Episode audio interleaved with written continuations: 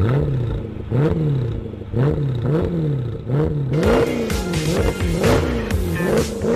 you. Ngibingelele e-studio futhi ngibingelele abaleli abahle bokhozi kumzansi Afrika nakumhlaba wonke. Uyazi kuma kule sinekuseni singena i-motoring usibonile omyeni ula ukuthi ngikulethele ulwazi olubalulekile olubheka ukuthi uthole usizo. Kuleli sonto la namhlanje saqhubeka lapho. Ngesonto ledlule sithintile ekutheni ku-21 days lo ukuzithiba sihlele emakhaya singayi emsebenzini. Yiziphi indlela into okumele uyibheke ezingakusiza uma kuwukuthi ukhokhela imoto nento enjenge-insurance. Kuloku ngibheke kakhulu kulokwe finance yemoto yakho. Uma uthatha ifinance yemoto yakho usayina icontract okuyisivumelano sakho nebhange sokuthi njalo ngenyanga uzokhokha installment esithize. Uma ukuthi ke le nkontileka le uyisayine ngemva kwa August 2017 okusho ukuthi kusukela ku-August 2017 kuze kube manje bonke abantu abathathe ama contract efinance kumele ukuthi kuleyo finance leyo kuleyo contract kukhona into ebizwa ngokuthi i-credit insurance. Now i-credit insurance yakhe yakhelwe ukuthi uma kukhona ushintsho lwemali oyiholayo olwenziwa isimo esikhona mhlambe sifana nokuthi udiliziwe emsebenzini noma imali yakho yenyanga oyiholayo izokwehla. Uyakwazi ke ukuthi ukhulume nayo i-credit insurance ukuze ikwazi ukuthi ikusize ihambisana naleyo nkontileka leyo oyithathile ye-finance. Now ikhuluma ngani ke i-credit insurance? Credit insurance ibheka la ekutheni uma ukuthi njengoba ngingabeka ukuthi imali oyiholayo ngenyanga iyehla or izowehla uyabona manje ukuthi cha ngathi ngizoba nenkinga. Uyakwazi bese ke uapplyela kuyona ukuthi ikusize ikukhokhele installment sakho okungaba inyanga ezifikelela ku12 months now. Kulesimo esikusona manje sa 21 days wokuzithiba singasebenzi ngenzeka ukuthi kukhona abantu abaningi abasebenza ngento ka no work no pay. Okusho ukuthi uma ungasebenzi iholo lakho liyehla.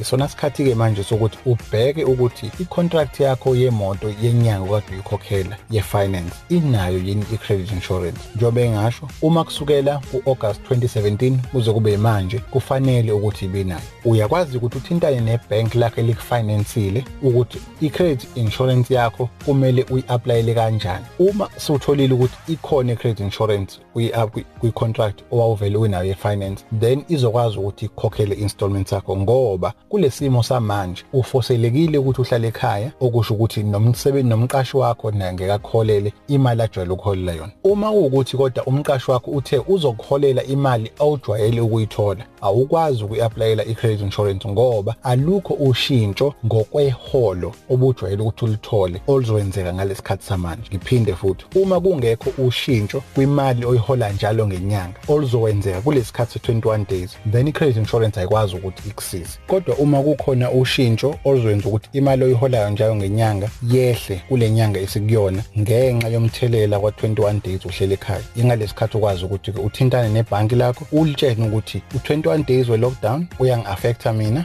Imali yami izowehla and ngeke ngikwazi ukuthi ngifeze isivumelwano sokuthi ngikhokhe installment kule nyanga. Then i-credit insurance iyakwazi ukuthi ikukhokhele leso installment sakho. Okunye ngicela abalaleli bakuxwaye ngokwami bekumele amabhangi ukuba ngalesikhathi kukhuluma indaba ka-21 days lockdown baqale bakhulume nje endaweni zokuxhumana ukuthi abantu abanama-finance e-after u-2017 august kumele bathintane nabo babone ukuthi i-credit insurance yayikhona yini kwi-contract yabo. Ngokuthi bathule mina kwenza ukuthi kube khona ukuthi bebeyifihla. So-ke ngiyacela ukuthi uma uthinta nebhangi lakho wenze sure ukuthi kuba khona ubufakazi obugcwele ukuthi azange ibe khona. Okunye ungakwenza futhi ukuthi ubheke i-contract yakho ngoba kuyona kuzomele kuvele ama-installments akho ukuthi ama-installments akho ahlaziwe kangakanani. Ngoba uyakwazi ukuthi ube khona umehluko ukukhombisa ukuthi le bekuyimalini kanjalo kanjalo ehlanganisa installment uzoyibona lapho i-credit insurance ngoba kumele ukuthi ibhale. Uma ibhaliwe immediately bakwethu uyakwazi ukuthi ubatshene ukuthi ubuhlele ekhaya ungasebenzi khona umehluko ozowenzeka then kuzomela ukuthi bakusize. Ake kulesi sikhathi esincane besinaso sithemba ukuthi abantu bakwazi ukuthi bazwe kahle. Uma ukuthi kodwa udinga ukuthi ucaciseleke kahle uyakwazi ukuthi uye ku-facebook